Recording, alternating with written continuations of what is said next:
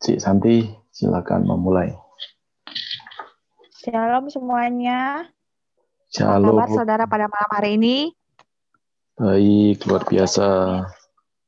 Uh, kita akan mulai ibadah Miracle is Free pada malam hari ini. Terlebih dulu kita akan bersorak-sorai buat Tuhan. Haleluya.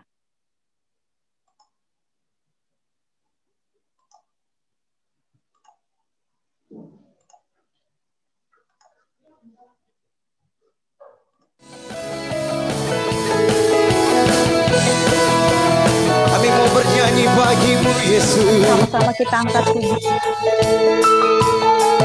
Mari semua datang kepadanya. Bawa hatimu yang bersuka. Mengangkat tangan Membawa pujian. Menyatakan kebesarannya Ku sembah-sembah Engkau Tuhan dan Rajaku. Ku puji-puji kebesaranmu di hidupku. Bersorak-sorai dan memuliakan namamu Sungguh besar Engkau Tuhanku. Yang percaya boleh katakan amin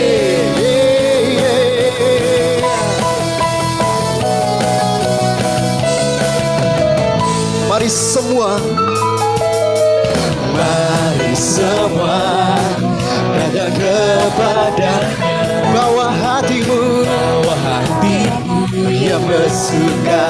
Kami mengangkat tangan bagimu ya Tuhan. Mengangkat tangan Membawa pujian menyatakan kebesarannya. Mari lambaikan tanganmu Ku sembah-sembah Engkau Tuhan dan Rajaku Ku puji-puji kebesaranmu di hidupku. Bersorak-sorai dan memuliakan namamu. Sungguh besar Engkau Tuhanku. Mari sama-sama kita bertepuk tangan di atas kepala kita. Haleluya. Hey.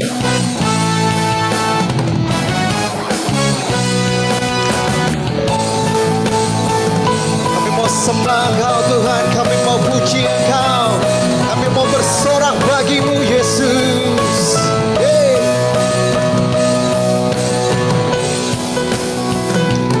Ku sembah-sembah Engkau Tuhan dan Mari angkat kedua tanganmu.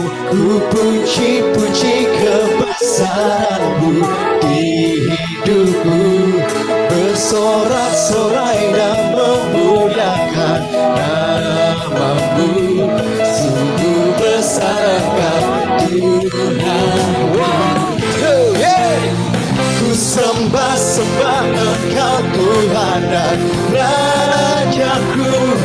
Ku puji-puji kebesaranmu di hidupku. Bersorak-sorai dan memuliakan namamu Sungguh besar Engkau Tuhanku Sungguh besar Sungguh besar Engkau Tuhanku. Sungguh besar Engkau Tuhanku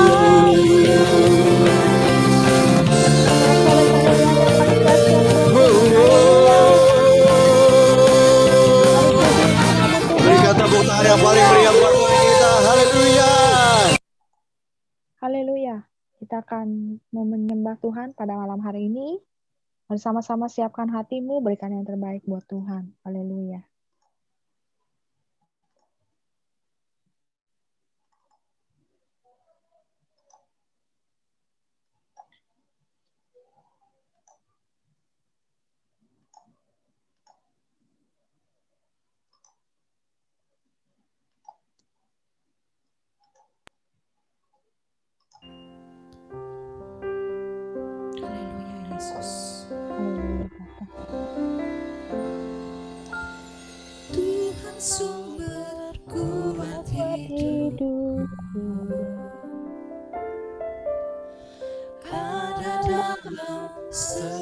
setiap langkah.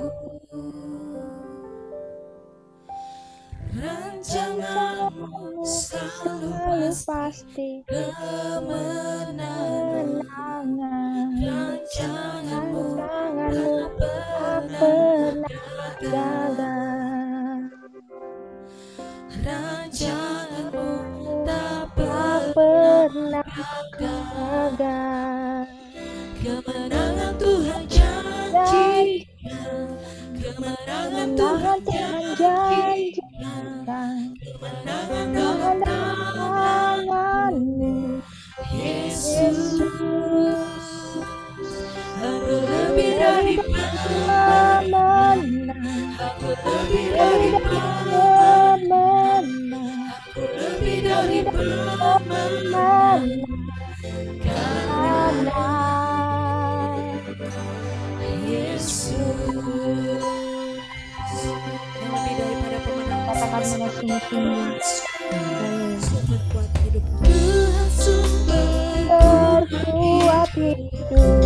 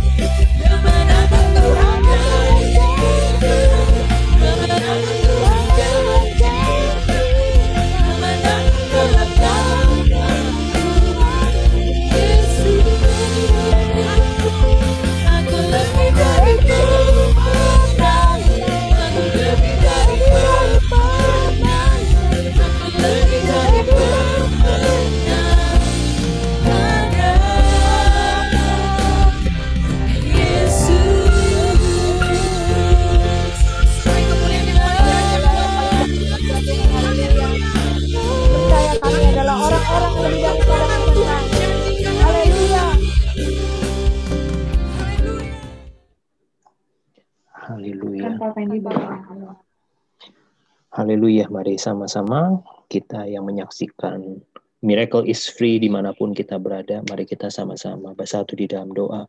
Bapa yang baik, Bapa yang penuh kasih, Bapa yang kami sembah di dalam nama Tuhan Yesus. Terima kasih kami sudah memuji dan memuliakan Engkau pada malam hari ini.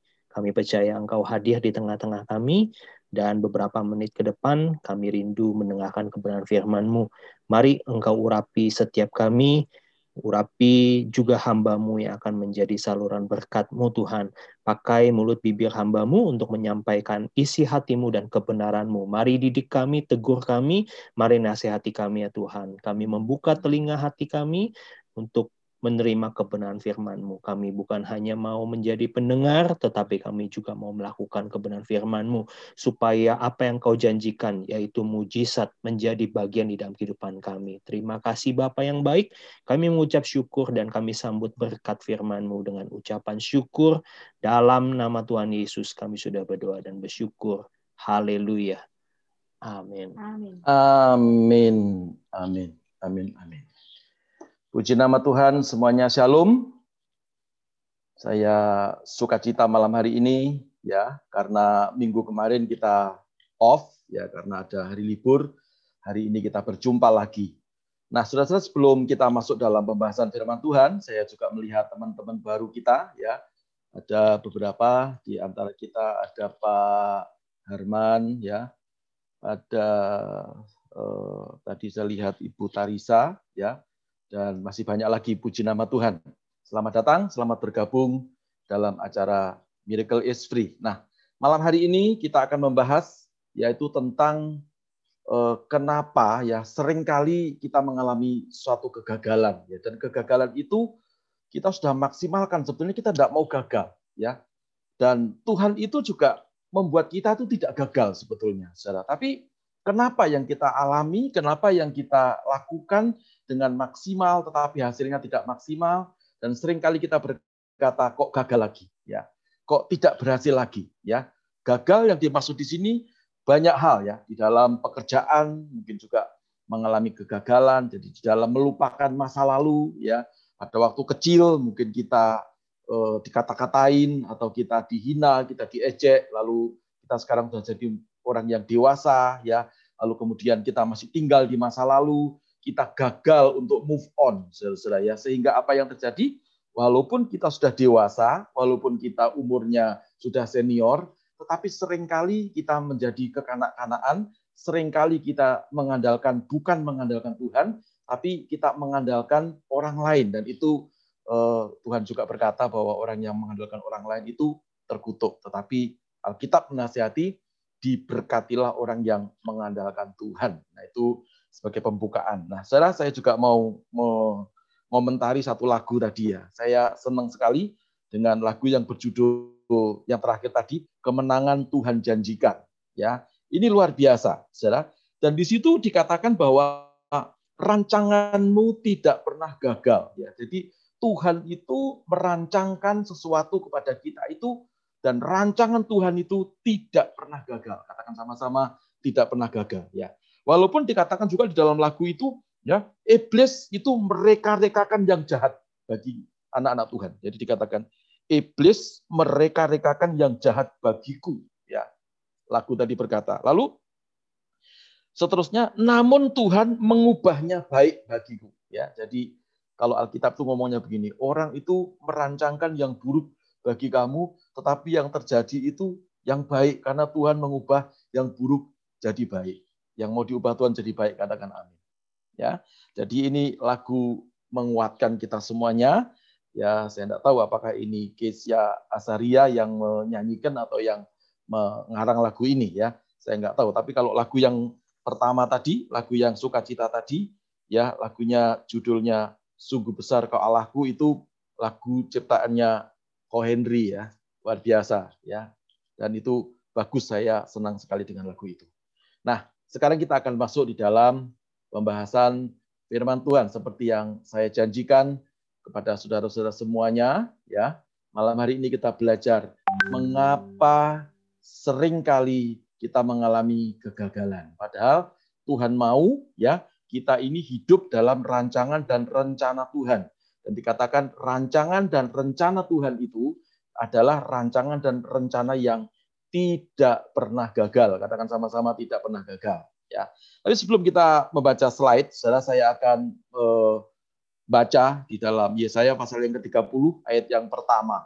Yesaya 30 ayat yang pertama. Alkitab berkata seperti ini, celakalah anak-anak pemberontak. Demikianlah firman Tuhan yang melaksanakan suatu rancangan yang bukan daripadaku, yang memasuki suatu persekutuan yang bukan oleh dorongan rohku, sehingga dosa mereka bertambah-tambah. Nah, saudara, ini dikatakan oleh Yesaya, celakalah saya selidiki, kata celaka itu terkutuk. ya Kata terkutuk itu, ya orang yang terkutuk itu pasti tidak pernah berhasil. Ya, orang yang terkutuk itu pasti hidupnya gagal. Ya, dan orang yang terkutuk itu pasti tidak pernah bisa melupakan masa lalu. Ya, orang yang terkutuk itu kegagalannya pasti berulang-ulang, kebangkrutannya berulang-ulang, sakit penyakitnya kambuh-kambuh terus tidak pernah sembuh-sembuh, sembuh sebentar sakit lagi, ya, diberkati sebentar bangkrut lagi. Itu orang yang eh, terkutuk, orang yang gagal. Orang yang gagal adalah orang yang sial. Saudara ya. Kenapa gagal, kenapa terkutuk, kenapa sial? Karena dikatakan di sini ya karena yang pertama, melaksanakan suatu rancangan yang bukan daripadaku, kata Tuhan. Jadi kalau rancangannya atau rencana atau yang Anda jalankan dalam kehidupan itu bukan daripada Tuhan, ya lalu dari mana? Jawabannya hanya ada dua. Yang pertama dari setan, ya. Yang kedua dari dirimu sendiri, ya. Sebab Alkitab berkata, kalau itu berasal dari Tuhan, kalau rancangan itu berasal dari Tuhan, maka rancangan Tuhan itu tidak pernah gagal dalam hidupmu. Mengerti katakan amin. Ya. Lalu yang kedua dikatakan ya, yang memasuki suatu persekutuan yang bukan oleh dorongan rohku. Ya, jadi kalau bukan didorong oleh roh Tuhan, lalu roh siapa yang dorong? Ada dua lagi. Jawabannya sama. Satu, roh setan atau roh jahat. Yang kedua, rohmu sendiri atau jiwamu sendiri yang membawa kamu kepada masa lalu sehingga kita tidak bisa move on ya keberhasilan di masa lalu selalu ada bawa ke hari ini kebangkrutan di masa lalu selalu bawa ada bawa kepada hari ini sehingga perbuatanmu hari ini tidak pernah memasuki apa yang Tuhan rancangkan yaitu hidup dalam segala kelimpahan. Saya berdoa supaya semua yang mengikuti program Miracle is Free tidak mengalami seperti itu tapi semuanya diberkati oleh Tuhan. Yang mau diberkati Tuhan katakan amin. Nah, puji Tuhan. Sekarang kita masuk di dalam uh, firman Tuhan. Yesaya pasal yang ke-55, saudara-saudara baca ya. Ayat yang uh, ke-6 sampai yang ke-11 karena ini penting. Saya mau kita membacanya dengan suara yang cukup keras. Carilah Tuhan selama ia berkenan ditemui, berserulah kepadanya selama ia dekat. Baiklah orang fasik meninggalkan jalannya, dan orang jahat meninggalkan rancangannya baiklah ia kembali kepada Tuhan, maka ia, maka dia akan mengasihaninya dan kepada Allah kita sebab ia memberi pengampunan dengan limpahnya ayat yang ke-8 sebab rancanganku bukan rancanganmu perhatikan ya. Dan jalanmu bukan jalanku. Demikianlah firman Tuhan. Seperti tingginya langit dari bumi demikianlah tingginya jalanku dari jalanmu dan rancanganku dari rancanganmu. Sebab seperti hujan dan salju turun dari langit dan tidak kembali ke situ, melainkan mengairi bumi, membuatnya subur dan menumbuhkan tumbuh-tumbuhan, memberikan benih kepada penabur dan roti kepada yang mau makan. Ayat yang ke uh, wow, maaf ya. Ayat yang ke-11 kita baca sama-sama dua tiga. Demikianlah firmanku yang keluar dari mulutku, ia tidak akan kembali kepadaku dengan sia-sia. Artinya tidak akan pernah gagal. Ya, tetapi ia akan melaksanakan apa yang ku kehendaki kata Tuhan dan akan berhasil dalam apa yang kusuruhkan kepadanya. Puji nama Tuhan. Nah, saudara, ini luar biasa firman Tuhan dan kita mau belajar bersama-sama kenapa kita sering gagal. Tadi alasannya hanya ada dua. Yang pertama, melakukan sesuatu yang berasal rancangan-rancangan yang bukan daripada Tuhan. Kalau bukan dari Tuhan, dari mana? Yang pertama, dari kuasa jahat atau dari dirimu sendiri. Dan yang kedua, memasuki suatu persekutuan. Kata persekutuan itu adalah kesepahaman, kesepakatan Anda tidak sepakat dengan Tuhan, tapi Anda sepakat dengan dunia, melakukan sesuatu sehingga Anda gagal, sehingga Anda terkutuk, sehingga sering kali kita mengalami hidup yang sial, sehingga sering kali kegagalan itu ulang, ulang berulang. Padahal Yesaya 55 ayat yang ke-6 sampai yang ke-11, terutama ayat yang ke-11 dikatakan, demikianlah firmanku yang keluar dari mulutku, kata Tuhan, ia tidak akan kembali kepadaku dengan sia-sia, tetapi ia akan melaksanakan apa yang ku kehendaki, kata Tuhan, dan pasti berhasil, seperti yang disuruhkan Tuhan. Nah, saudara-saudara, saya percaya bahwa kita semuanya sudah eh, menerima Tuhan Yesus sebagai Tuhan dan Juru Selamat secara pribadi. Artinya, sebetulnya kita itu sudah menjadi satu ciptaan yang baru. Seharusnya kehidupan kita ini menjadi kehidupan yang bukan menjadi orang yang selalu gagal, tetapi menjadi orang yang terus beruntung walaupun kita membangun sesuatu dengan dari yang sedikit, dari yang masih kecil, tetapi Anda berjalan bersama dengan Tuhan, maka yang kecil, yang sedikit terus akan bertambah, terus akan bermultiplikasi, lalu Tuhan memberikan kasih karunia sehingga yang kecil, yang sedikit itu akan menjadi besar, akan menjadi semakin besar dan berkat itu terus akan mengalir dalam kehidupan kita sehingga kita menjadi saluran berkat bagi orang-orang yang membutuhkan.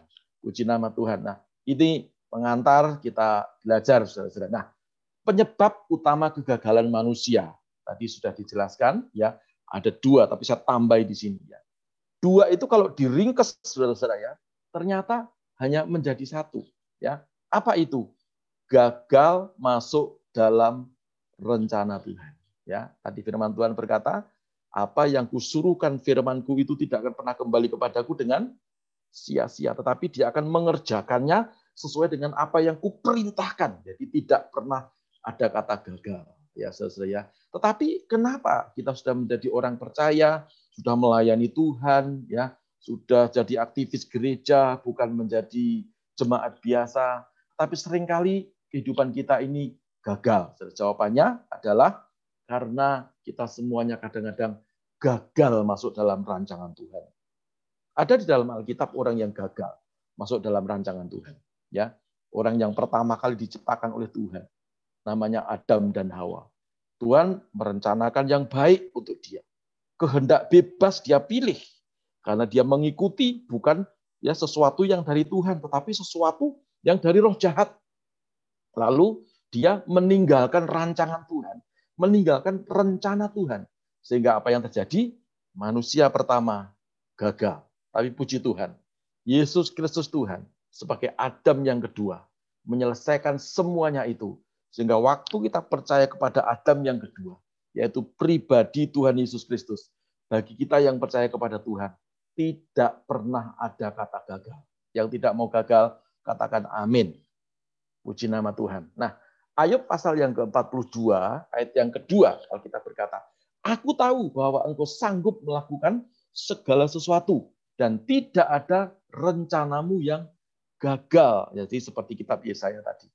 Nah, saudara, sebetulnya Tuhan itu memiliki sebuah rancangan yang baik buat kita semuanya. Kita diciptakan Tuhan, kita jadi orang Kristen, kita melayani Tuhan. Seharusnya kita menjadi orang yang gagah perkasa. Dan itu bedanya kita dengan orang-orang dunia. Kalau kekristenan kita itu masih sama dengan orang-orang dunia, ada masalah, kita masih nangis-nangis, lalu kita masih pertolong, minta pertolongan manusia, kita andalkan manusia, bahkan kita pergi ke paranormal, bahkan kita masih percaya dengan tahayul, bahkan kita masih percaya dengan adat istiadat. Ya, saya mau berkata, Anda sedang lari dari rancangan Tuhan. Makanya orang yang lari daripada rancangan Tuhan itu upahnya adalah kegagalan. Ya, semestinya Tuhan menciptakan manusia itu, saudara-saudara, Tuhan mau manusia itu hanya menjadi orang yang nurut karena Tuhan mau kita manusia pada awalnya itu menjadi generasi atau menjadi manusia yang pekerjaannya itu hanya menyembah Tuhan. Tidak ada lain-lain. Makanya di Taman Eden itu semua Tuhan sudah lengkapi semuanya. Dan Tuhan ngomong sama Adam dan Hawa, semua boleh kamu makan. Yang di taman ini semua boleh kamu makan. Kamu tidak usah kerja, ya.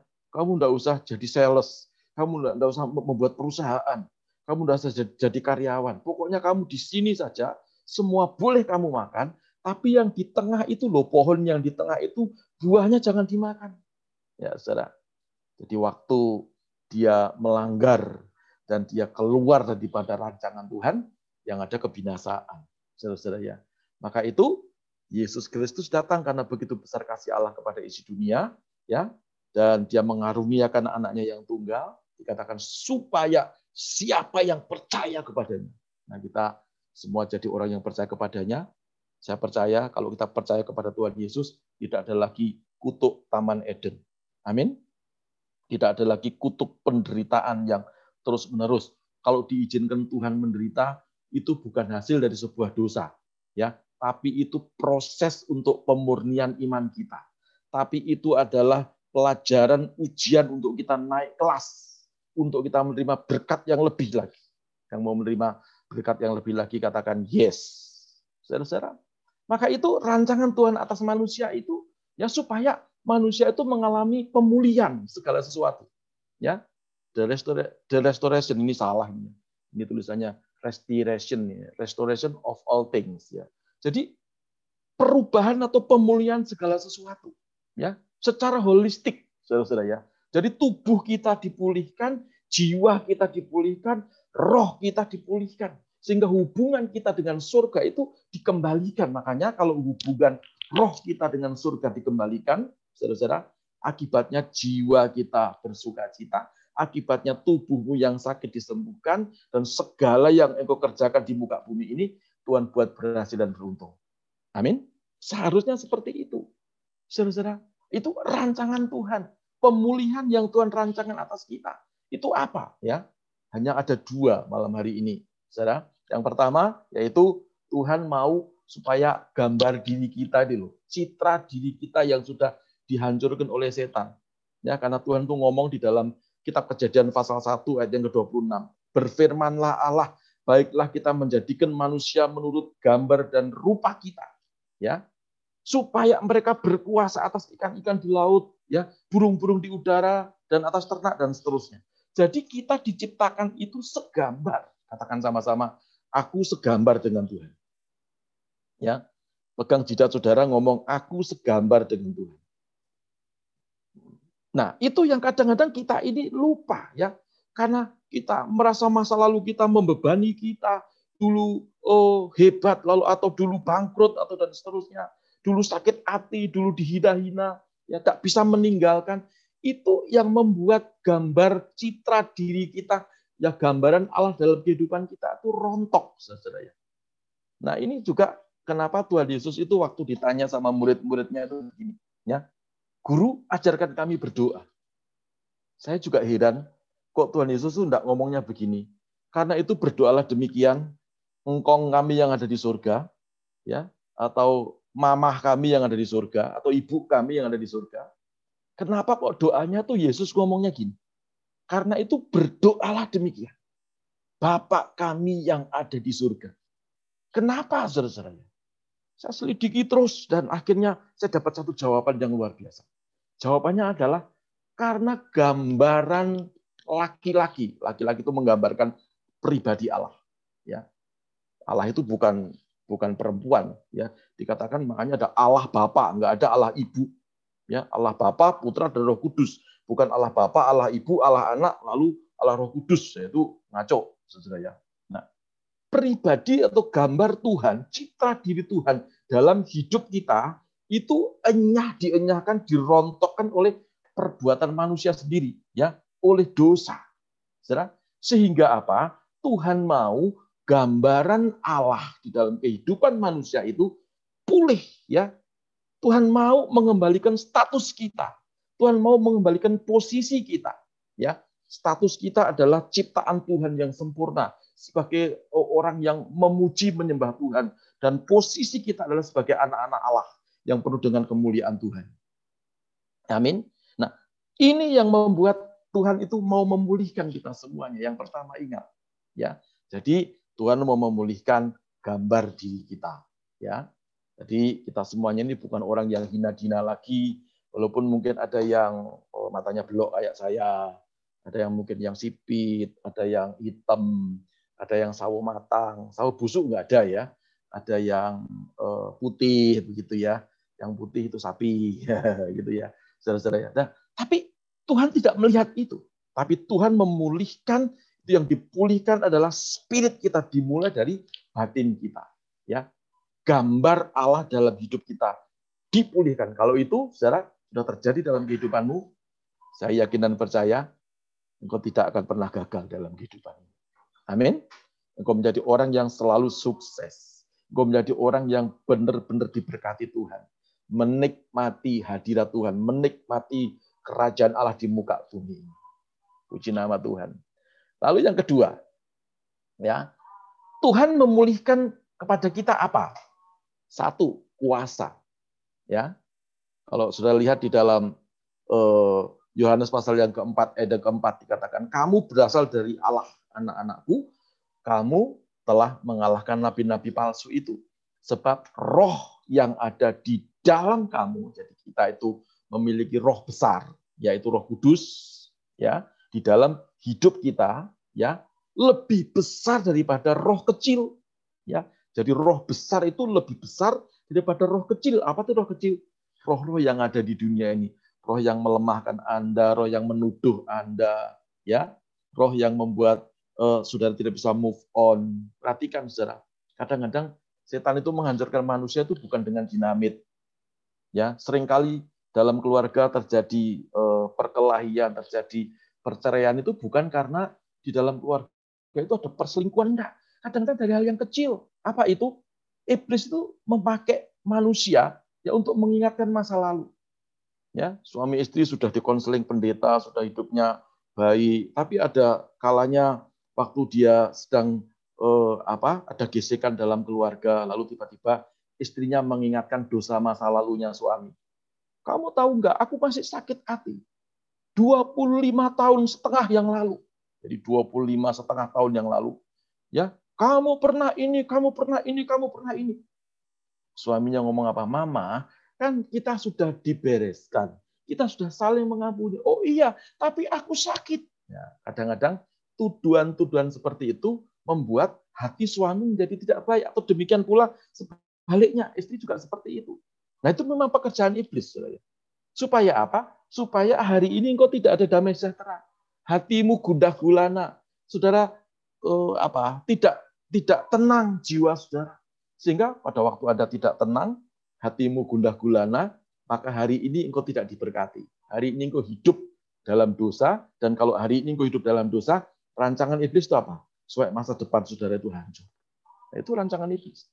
Makanya Yohanes 1 eh, Yohanes 4 ayat yang keempat ya berkata, Saudara, roh yang ada di dalam kamu lebih besar daripada roh-roh penuduh itu. Daripada roh-roh jahat yang ada di dunia itu. Saya berani berkata, menjamin aku tidak mau lagi hidup dengan masa lalu, tapi aku mau hari ini berjalan bersama dengan Tuhan menuju ke depan kepada kemenangan yang hilang gemilang. Amin. Lalu saudara apa? Memulihkan kuasa. Lalu diberi otoritas ya. Dan supaya apa? Kuasa otoritas ya. Tujuannya supaya apa? Di tengah-tengah dunia ini. Supaya saudara memiliki hidup dalam segala kelimpahan. Amin. Kelimpahan dimulai dari hatimu. Kelimpahan dimulai dari spiritmu ya. Baru nanti hal-hal yang lain. Saudara Alkitab berkata cari dulu kerajaan Allah dan kebenarannya maka semuanya akan ditambahkan kepadamu Nanti sudah bisa baca di dalam kitab Kejadian 1 ayat yang 26 tadi kita sudah baca. Lalu Roma pasal yang kelima ayat yang ke-17 ya. Tadi sudah saya katakan tentang Adam berdosa. Tapi kasih karunia itu kalau kita mau percaya kepada Tuhan, maka Tuhan mengembalikan otoritas kita. Tuhan mengembalikan kuasa ya dan Tuhan memberikan kepada kita hadiah. Apa itu? Selama kita di tengah-tengah dunia ini saudara saya berdoa seperti Alkitab berkata, tidak ada firman yang keluar dari mulutnya Allah yang kembali dengan sia-sia. Firman Tuhan akan mengerjakan hidupmu sehingga hidup saudara dan saya menjadi hidup dalam segala kelimpahan. Berikan tepuk tanganmu yang paling meriah untuk kita yang dahsyat. Haleluya. Nah, saudara-saudara, lalu rancangan Tuhan pada kita tidak gagal ya katanya. Terus gimana caranya supaya tidak gagal? Ya, Caranya gimana? Apakah harus sekolah pendeta? Apakah harus menjadi dayang-dayangnya pendeta? Apakah setiap hari harus membawa Alkitab dan setiap hari harus bahasa roh? Ya. Bukan. Ya, supaya rancangan Allah tidak gagal dalam kehidupan kita. Maka yang pertama, saudara, supaya kehidupan saudara tidak gagal terus menerus terus menerus, ya, yang pertama lakukan ini, temukan talenta dan bakat saudara. Ya, 2 Korintus pasal yang keempat, ayat yang keenam sampai yang ketujuh. Sebab Allah yang telah berfirman, dari dalam gelap akan terbit terang. Ia juga yang membuat terangnya bercahaya di dalam hati kita. Perhatikan. Jadi di dalam hati kita itu ada terang Kristus. Supaya kita beroleh terang. Nah, kalau kita sudah beroleh terang dari Kristus, kita mendapatkan pengetahuan. Jadi kita tuh pinter. Jadi orang Kristen jangan maaf ya, jangan kurang pinter. Kurang pinter itu bahasa di kampung saya namanya bodoh. Ya. Jangan setiap orang Kristen itu hanya mengharap, hanya menunggu, ya, tidak mau mengekspos talenta dan bakatnya. Padahal Kristus terang Kristus sudah ada di tengah-tengah sudah ada dalam hidupmu yang seharusnya terang Kristus itu memberikan pengetahuan tentang kemuliaan Allah. Jadi Allah itu mulia, kata mulia itu kudus, ya kata mulia itu kelimpahan, kata mulia itu murni, kata mulia itu ya menyilaukan mata, kata mulia itu wibawa dan seterusnya. Ya, di dalam kemuliaan itu tidak ada kemiskinan. Di dalam kemuliaan Allah itu tidak ada kegagalan. Di dalam kemuliaan Allah itu yang sakit sembuh. Di dalam kemuliaan Allah itu tidak ada orang sial. Amin. Ayat yang ketujuh baca bersama-sama. Tetapi harta ini kami punyai dalam bejana tanah liat. Supaya nyata bahwa kekuatan yang melimpah-limpah itu berasal dari Allah. Dan bukan berasal dari diri kami. Perhatikan. ya Ini Paulus berkata, memang aku bejana tanah liat. Tubuh ini terbuat dari tanah liat. Enggak ada artinya apa-apa. Tetapi kekuatan yang di dalamnya itu yaitu adalah terang Kristus yang seharusnya memberikan pengetahuan tentang kemuliaan Tuhan. Ini yang harus kita gali dari dalam kehidupan kita. Ya, makanya jadi orang Kristen itu jangan males, hanya mengharap, ya, hanya apa menunggu. Di gereja IHK itu ada tiga pedoman, ya, apalagi memasuki masa-masa pandemi seperti ini. Yang pertama itu tentang adaptasi. Bagaimana Anda bisa beradaptasi dalam dunia yang seperti ini, dalam situasi yang seperti ini. Nah, di dalam adaptasi itu dibutuhkan akselerasi, ya, percepatan. Kata akselerasi bukan hanya percepatan, tetapi kalau sudah lihat ya mobil itu ada gerigi-geriginya di dalam, ya. Kata akselerasi itu ya gigi yang satu itu menggigit gigi yang lain, gigi yang lain menggigit gigi yang lain, dan itu bisa berjalan dengan simultan, berjalan dengan normal dan lebih cepat lagi, ya. Supaya apa? Kalau mesinnya itu cepat, ya, lalu dikendarai dengan bagus, dengan baik, sopirnya luar biasa, itu akan mencapai kepada tujuan dengan mulus, saudara ya. Dan yang terakhir yaitu tentang inovasi, ya. Nah, setelah eh, adaptasi lalu akselerasi, kita bersama-sama masuk dalam inovasi. Hidup saudara harus penuh dengan inovasi. Jangan tenggelam pada masa lalu. Ayo kita lihat karunia, bakat, talenta kita. Ada yang berkata kepada saya, Pak, aku enggak punya talenta, aku enggak punya bakat. Ya dagang selalu gagal. Siapa yang suruh Anda jadi pedagang wong Anda tidak punya karunia atau eh, apa namanya? talenta bakat berdagang. Barangkali Anda disuruh Tuhan jadi eh, seorang karyawan, silakan. Toh karyawan juga banyak yang diberkati Tuhan. Ya, jadi tidak semua harus jadi apa? pengusaha, saudara ya. Ada saya kalau nyanyi itu fals, saudara. Saya dulu pernah eh, rekaman ya waktu di dunia roh ministry. Ya. Nah, setelah eh, saya nyanyi satu lagu itu masuk dapur rekaman jam 10 pagi, selesainya jam 3 sore. Itu pun suara saya nggak bagus. ya Gara-gara saya rekaman, dulu kaset ya, kalau sekarang sudah CD dan seterusnya. Gara-gara saya rekaman, maka kasetnya tidak laku. Kenapa? Karena bakat talenta saya bukan pada menyanyi. Ya, Tadi coba saudara uh, ikuti tadi ya, lagu kemenangan Tuhan janjikan tadi. Ya, kan bagus-bagus toh penyanyinya, suaranya bagus. Kalau saya yang nyanyi, cilaka, saudara. Jadi temukan, ayo kita temukan, kita gali apa yang Tuhan sudah kasih talenta dalam kehidupan kita. Kita kembangkan. Ya. Tapi jangan jadi bakat ngutang enggak bayar. Itu mah bukan bakat. Ya, itu pencoleng, orangnya nggak tanggung jawab. Ya, itu bukan bakat. Ya. Tuhan itu ngajari kita tuh bertanggung jawab. Amin. Ya. Temukan talenta dan bakat. Kalau sudah ditemukan, ya, oh ternyata bakat saya ini jadi pengkhotbah misalnya. Ternyata bakat saya ini eh, saya ini bisa berdagang. Bakat saya ini ternyata saya macam-macam bisa menyanyi ya. Bakat saya saya bisa membuat perusahaan ya. Puji Tuhan. Saudara, kembangkan talenta dan bakatmu. Lalu berikutnya ya, setelah sudah tahu dikembangkan lalu mau dibentuk masuk dalam prosesnya Tuhan, masuk dalam proses kehidupan ini. Nggak ada orang tiba-tiba langsung kaya. Nggak ada orang tiba-tiba lalu hebat begitu. Coba saudara lihat para pendeta-pendeta yang hari-hari ini kalau di media sosial itu langsung viewernya begitu banyak, subscribe-nya di oh, YouTube ribuan begitu. Dia juga memulai dari yang kecil, ya. Dia juga membentuk sesuatu dari yang kecil, seperti kita. Ya, dia juga rela diproses. Pada waktu siaran mungkin juga dicaci maki, wah jelek. Ya, pada waktu Anda bekerja menawarkan sesuatu, ya. Ada Ibu Ripka Hartini ya. Kami sama-sama dulu di eh, perusahaan farmasi Saudara, pada waktu kita datang ke dokter, ya kita memberikan informasi obat kepada dokter, ya dulu namanya detailer, ya. Saudara, detailer sering dimarahi dokter, oh sering obatmu jelek, itu enggak bagus, ada yang lebih bagus.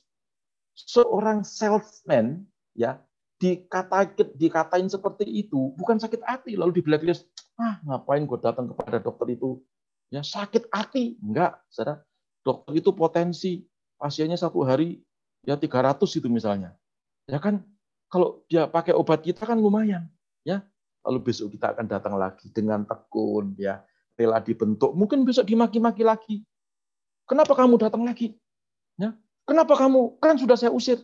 Ya, dengan bahasa-bahasa yang bagus, ya, dengan satu ilmu-ilmu yang diajarkan oleh perusahaan, ya, maka lama-lama dengan kontinuitas rela dibentuk, ya diproses, lalu kemudian tekun, ya maka suatu hari dokter berkata, kamu sebetulnya apa sih kok setiap hari datang ke sini? Apa sih obat kamu? Nah, saya, kamu minta satu bulan berapa box? Kalau perlu berapa kontainer? Nah, itu dulu. Kalau sekarang saya tidak tahu. Ya, ada banyak orang yang tidak mau dibentuk, ada banyak orang yang tidak mau diproses. Maunya langsung apa? Langsung hebat. Makanya orang yang tidak mau diproses, yang maunya langsung hebat, pasti suka larinya ke pesugihan. Yang waktu beberapa yang lalu, waktu yang lalu kita sudah bahas ya tentang okultisme. Pasti piara tuyul maunya, ya pergi ke Gunung Kawi cari pesugihan, nggak mau diproses, tahu-tahu kaya. Ya, piara buto hijau, kamu sendiri yang dimakan. Ya, Saudara jangan seperti itu. Mari sadari bahwa gambar Allah dalam hidup kita itu sudah dipulihkan. Kalau Tuhan sudah memulihkan keadaan kita, maka kita ciri yang pertama itu pasti hidup kudus, pasti mau belajar, pasti memiliki hikmat, pasti memiliki kuasa, dan pasti hidupnya walaupun belum sukses, tetapi spiritnya ini spirit sukses. Amin. Ya, saya dulu diajari, ya sama Ibu Min Uno. ya. Dan itu dibayari sama perusahaan. Bagaimana caranya ngomong dengan orang, bagaimana caranya duduk di mobil kalau kita dijemput orang, ya, bagaimana kalau kita menjemput bos, ya, dan bagaimana gaya kita makan, ya, table manner, ya, itu bagaimana caranya eh, sendoknya, bagaimana tangannya, bagaimana. Semua ada prosesnya. Sudah juga bisa melihat orang-orang yang hebat hari-hari ini. Ya, yang kita sering lihat hanya kehebatannya. Tapi kita lupa berapa kali dia jatuh. Ya, berapa kali dia gagal. Ya, yang terpenting adalah bukan berapa kali dia jatuh dan dia gagal. Tapi yang terpenting adalah dia selalu tidak menyerah pada keadaan. Dia bangkit lagi, dia coba lagi, dia dibentuk lagi, dia mau diproses lagi. Ya, seperti itu. Hamba-hamba Tuhan juga begitu Gereja-gereja yang besar juga seperti itu. Jadi tidak ada yang simsalabim, ya. Yang penting kita harus setia, ya. Setia dimulai dari hal yang kecil, ya. Bangun karakter kita, ya, menjadi karakter yang seperti Kristus. Coba Kristus waktu disalib, apakah dia marah-marah? Apa kamu tuh tidak ngerti kalau saya ini, oh Tuhan, kamu tuh dasar, oh tidak, ya di atas kayu salib dia ngomong, ya Bapa, ampunilah mereka. Sebab mereka tidak mengerti apa yang mereka perbuat. Oh, tapi sekarang orang Kristen tidak gitu. Sakit sedikit, lapor polisi. Apa enggak gitu? Apakah itu ajaran Tuhan? Tidak, itu bukan ajaran Tuhan. Makanya hidupnya gagal terus. Mungkin secara materi diberkati, tapi keluarganya hancur-hancuran.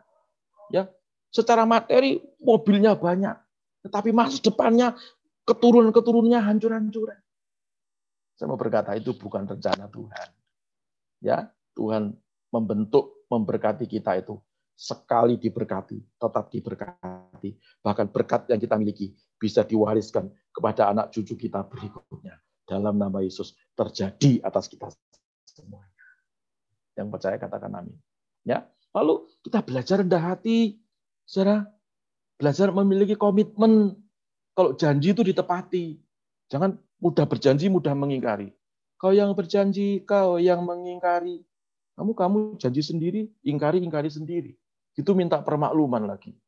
Saudara, itu bukan sifat orang Kristen. Lalu apa? Cintai Tuhan, hormati orang tuamu. Sekali lagi, cintai Tuhan, hormati orang tuamu. Ya, Alkitab sendiri yang ngomong. Kalau kita menghormati orang tua kita, apalagi orang tua kita masih hidup. Ya, jangan kalau sudah meninggal, sudah datang ke kuburan, ke bongpai, papa mama ampuni saya, maafkan saya, ya sudah terlambat. Pada waktu papa mamamu masih hidup, sukacitakan hatinya. Jadilah anak yang berbakti kepada orang tua. Ingat, tunduk kepada Tuhan yang tidak kelihatan. Ditandai dengan tunduk kepada pemimpin yang kelihatan. Kalau Anda di dalam keluarga, pemimpinmu adalah ayah dan ibu. Amin. Ya, kalau engkau tunduk kepada orang tuamu, saya percaya Tuhan firman-Nya itu ya dan amin. Saudara diberkati. Umurmu dibuat Tuhan panjang di muka bumi ini. Amin. Ya. Lalu saudara melakukan semuanya proses Tuhan itu dengan kasih, jangan dengan sungut-sungut. Coba dua ini saja kalau Anda lakukan. Saya garansi tiga bulan hidupmu berubah. Ya, enam bulan, eh, tiga bulan berikutnya, artinya enam bulan sudah mulai masuk dalam rancangan rencana Tuhan. Ya, kemudian sembilan bulan, jadi tiga bulan kali tiga. Perhatikan, engkau sudah mulai diberkati.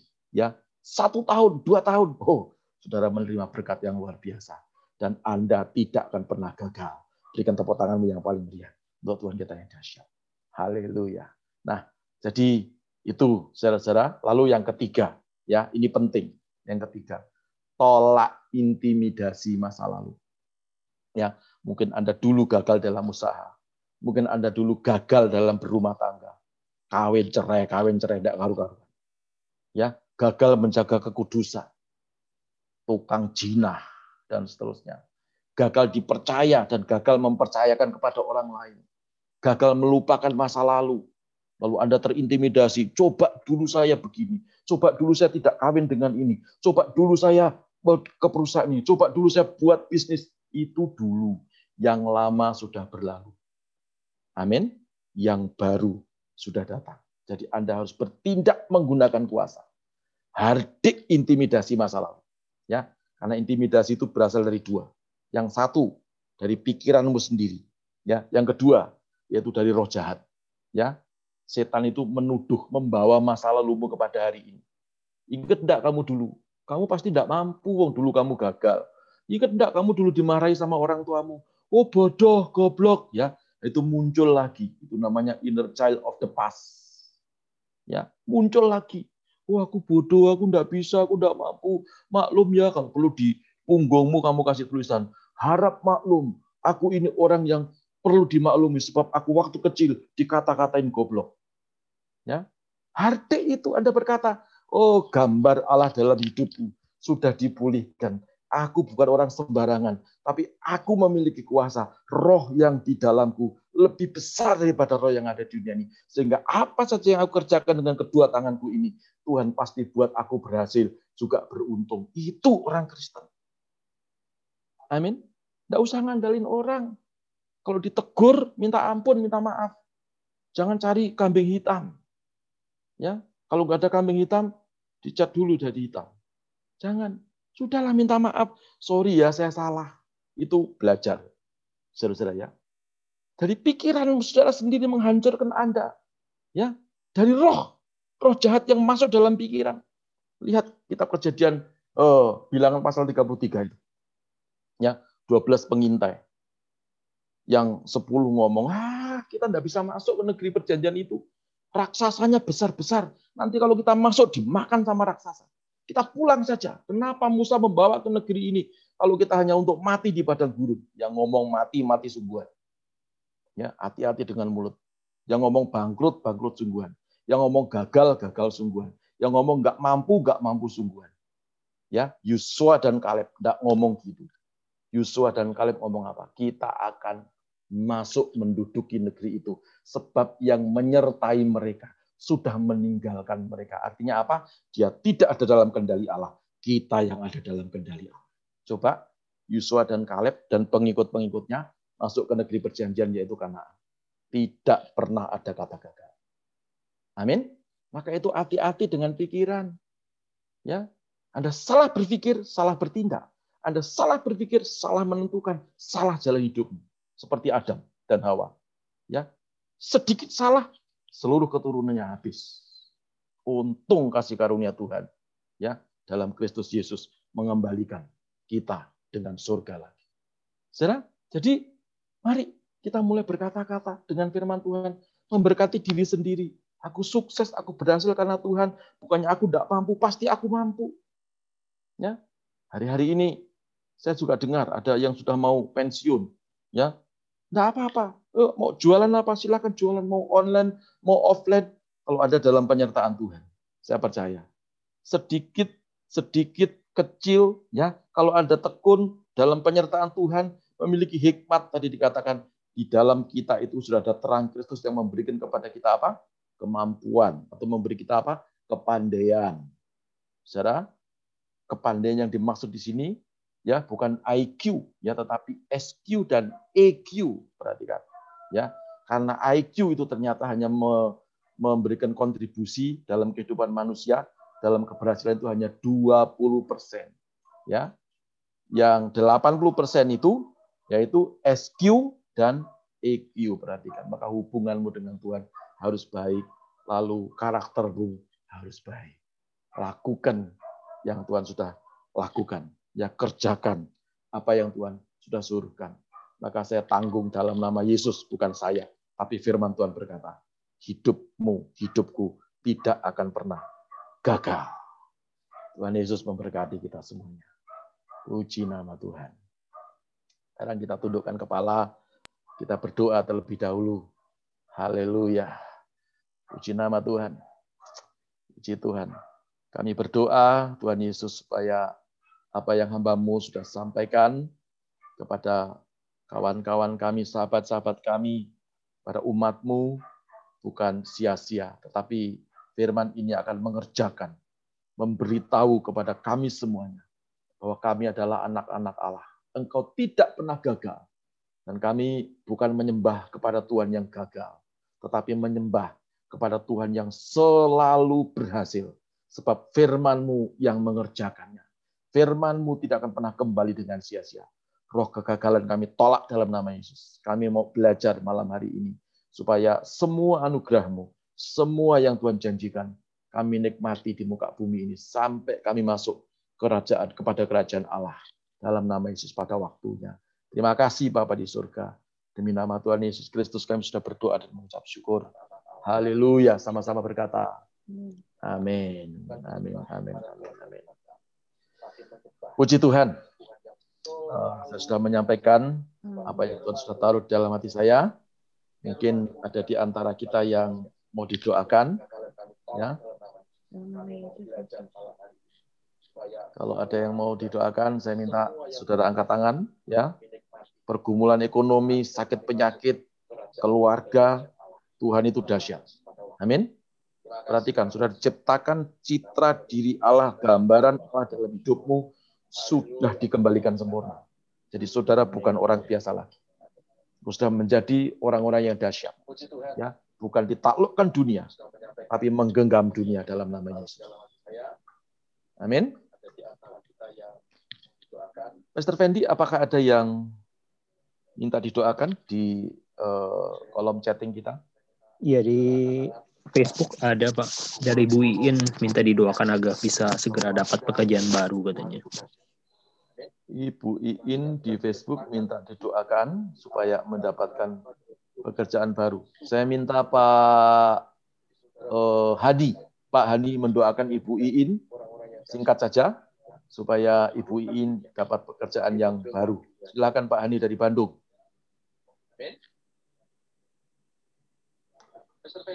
Dibuka dulu, di unmute Pak Hani.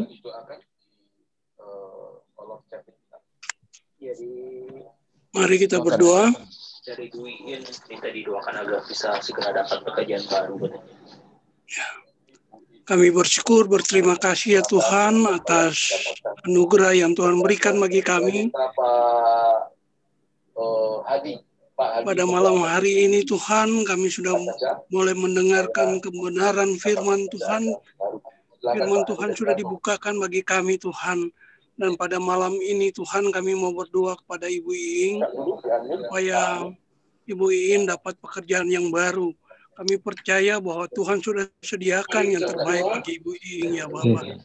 Terima kasih Tuhan. Kami percaya, kami yakin Tuhan. Kami adalah ahli waris kerajaan Allah. Terima kasih Tuhan, terima kasih Yesus. Kami percaya itu Tuhan di dalam nama Tuhan Yesus. Berkati Ibu Iin dengan apa yang dia inginkan di dalam keluarganya, Tuhan berkati dan sertai selalu ya Bapak. Terima kasih Tuhan di dalam nama Tuhan Yesus kami berdoa dan mengucap syukur. Haleluya. Amin. Amin. Puji Tuhan. Apakah ada lagi, Pastor Fendi? Oh, banyak yang di Facebook banyak yang minta didoakan ya. Ada Ibu Iin tadi sudah, lalu Siapa lagi, Pastor Fendi? Uh, Oke, ini ada Pak Yoyo. Pak Yoyo, tolong didoakan anak saya Felicia sedang sakit. Ya, saya minta uh, Ibu siapa yang dari Australia, Ibu Ceni. Ibu Ceni Kusno dari Sydney, tolong doakan Pak Yoyo, anaknya sedang sakit, ya supaya anaknya disembuhkan oleh Tuhan. Silakan Ibu Ceni dari Sydney. Oke, mari kita berdoa semuanya. Uh, Tuhan Yesus, Bapa kami di surga, kami datang ke belakang kehadiratmu. Kami bersatu hati Tuhan untuk mendoakan anak dari Pak Yoyo yang sedang sakit saat ini Tuhan. Tuhan kami percaya dengan bilu dan kuasamu, Engkau sanggup menyembuhkannya. Karena kami percaya kuasa Tuhan lebih besar dari segala apa pun penyakit yang diderita anaknya ini Tuhan. Kami percaya pada malam ini pun juga Engkau menjamah anaknya Pak Yoyo. Pasti sembuh, kami yakin. Pasti sembuh. Yesus itu ajaib, Yesus itu dahsyat. Terima kasih Tuhan Yesus. Kami percaya kami akan melihat mujizat terjadi untuk anaknya Pak Yoyo. Kesembuhan terjadi. Terima kasih Tuhan Yesus. Dalam nama Tuhan Yesus kami berdoa. Amin. Amin. Nah, mantap. Terima kasih Ibu Jeni Kusno. Ya sudah disembuhkan oleh Tuhan. Ya sudah dikasih anak. Ya dokter berkata sukar. Ya saudara ingat kesaksian beliau. Tapi Tuhan Yesus dahsyat. Luar biasa. Ya. Ada lagi ini Ibu Serafin MA. Shalom Pastor, saya minta didoakan untuk pernikahan dan untuk calon calon calon suaminya ya, supaya dapat visa pembaharuan e visa yang baru. Jadi ini eh, Bu Serafin ini akan menikah dengan orang luar negeri ya, dengan eh, kalau tidak salah dari Turki atau apa ya? supaya mendapatkan e-visa yang baru ya. Uh, puji Tuhan saya berdoa buat dia ya. Mari kita sama-sama berdoa. Tuhan kami berdoa buat Serafin supaya Tuhan memberikan kemudahan terutama untuk calon suaminya yang harus memperbarui visanya dengan konsep e-visa. Mari Tuhan tolong dan berikan uh, kemudahan, berikan juga kemurahan dan supaya dalam tahun depan kurang lebih bulan Februari atau Maret dia bisa melangsungkan pernikahannya seperti apa yang dia doakan kepada Tuhan. Tidak pernah ada kata gagal. Dalam nama Yesus terjadi. Haleluya. Amin. Puji Tuhan. Apakah ada yang lain? Oh, sorry. Ibu Serafin calonnya dari Pakistan, bukan dari Turki ya. Maaf, maaf. Dari Pakistan. Pakistan itu Pakistetan, bukan. Puji Tuhan. Ada yang mau bersaksi? Satu orang? Saya beri waktu. Saudara, selama liburan kemarin? Atau apa pun, mari silakan. Sebelum saya kembalikan kepada Kovendi untuk ditutup dalam doa. Pak Pendeta Petrus Ginanjar, bagaimana kabarnya? Baik, puji Tuhan.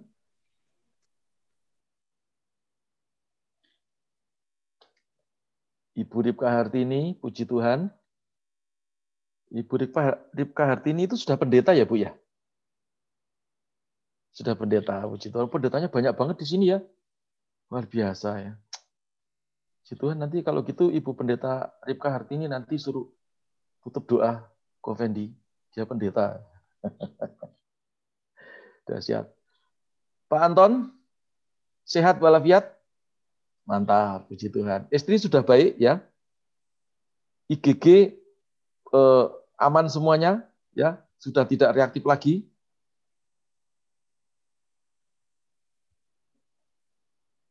Ah, dibuka Pak.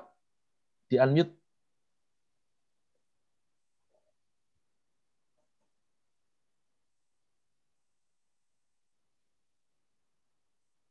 Gak dengar Pak Anton?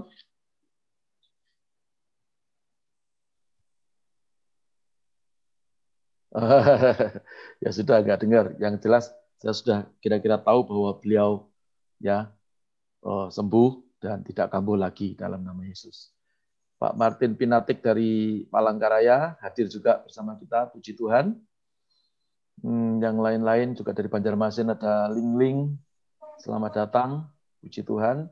Sudah dengar firman Tuhan, hidupmu pasti diubah, puji Tuhan.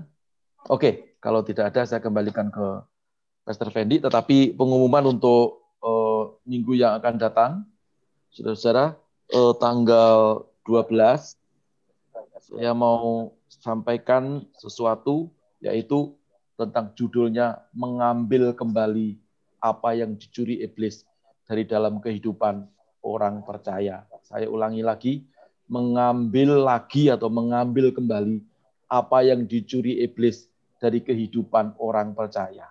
Ya, ini kita bicara tentang kenapa kita gagal, kita sudah dapatkan jawabannya. Nah, sekarang gimana caranya mengambil yang sudah dirampok setan Ya, dengan cara apa? Apa perlu dengan cara selamatan, dengan tumpeng apa begitu ya nanti kita bahas pada tanggal 12 hari Kamis di jam yang sama. Saya kembalikan kepada Kofendi, mari silakan. Oke, kalau tidak ada, saya undang Bu Ripka Hartini ya tadi ya. Ya. Untuk berdoa tutup dalam doa ya Bu. Silakan Bu Ripka. Makasih Pak. Jadi kita bersatu di dalam doa. Bapak, terima kasih Bapak, kami sudah menyelesaikan serangkaian ibadah pada hari Kamis ini. Kasih karuniamu dan anugerahmu Tuhan yang menyertai setiap kami. Kami percaya firman yang disampaikan oleh hambamu, Pastor Paulus Ekudianto Tuhan, itu termeterai di dalam setiap roh kami, sehingga kami menolak setiap e, masa lalu masa lalu yang dilintaskan oleh iblis di pikiran kami. Apa masa lalu itu tidak bisa mengikuti kami yang kami tahu bahwa firman-Mu yang berkata bahwa pemulihan segala sesuatu itu sudah terjadi. Amin di kami dan kami adalah orang yang berharga, orang yang mulia, orang yang diperlengkapi oleh Tuhan menjadi orang sukses, orang yang eh, pintar, pandai, punya spirit sukses berhasil. Itu yang kami percaya akan firman-Mu. Kau memberkati hambamu yang telah menyampaikan firman-Mu ini dengan luar biasa dan firman yang hidup ini boleh eh, kami lakukan Tuhan, bukan hanya kami menjadi pendengar, tetapi kami mau melakukannya Tuhan. Sampai firman itu terjadi benar-benar dan kami menyatakan kemuliaan Tuhan, bahwa Tuhan itu nyata, Tuhan itu benar, dan firman-Mu itu digenapi dalam hidup setiap kami. Terima kasih Tuhan buat ibadah ini. Kami percaya setiap langkah kami selalu dipenuhi mukjizat Tuhan. Kami hidup untuk menggenapi setiap firman-Mu. Terima kasih Bapak, Engkau berkati kami semuanya yang telah uh, ikut beribadah bersama-sama di mana pun uh, keberadaan kami masing-masing. Kami percaya Tuhan selalu menjaga, melindungi kami, menjauhkan kami dari segala mara bahaya dan kecelakaan. Terima kasih Bapak, kami sungguh bersyukur. Haleluya, haleluya yang percaya kita katakan. Amin. Amin. Puji Tuhan. Terima kasih banyak Ibu Repka Hartini, Ibu Pendeta Muda ya, Ibu Pendeta Muda ya, Repka Hartini, puji Tuhan nanti suatu hari juga bisa mengisi di IHK. Terima kasih juga Bapak Pendeta Petrus Ginanjar, terima kasih pendeta-pendetanya tadi mana pada sudah tidak ada ya. Sudah, mari Fendi biasanya kita foto dulu ya. Ya. Oke, mungkin bisa buka kameranya ya untuk diabadikan hari ini. Oke. Baik, Bu Lingling, Bu Liani, Pak Soeharno, Ci Devi, Koeka, sama Bu Tarisa, Bu Mariani. Oke. Oke. Saya hitungan ketiga mungkin bisa diangkat jempolnya aja ke layar. Oke, siap-siap. Satu, dua, tiga, cheers. Satu, dua, tiga, cheers. Oke, terima kasih semua teman-teman. Tuhan Yesus memberkati. Sampai jumpa Kamis mendatang dalam acara ibadah Miracle is Free tanggal 12 November. Tuhan Yesus memberkati kita semua. God bless. Amin. Amin. Puji Tuhan. Terima kasih, Bu Ripka.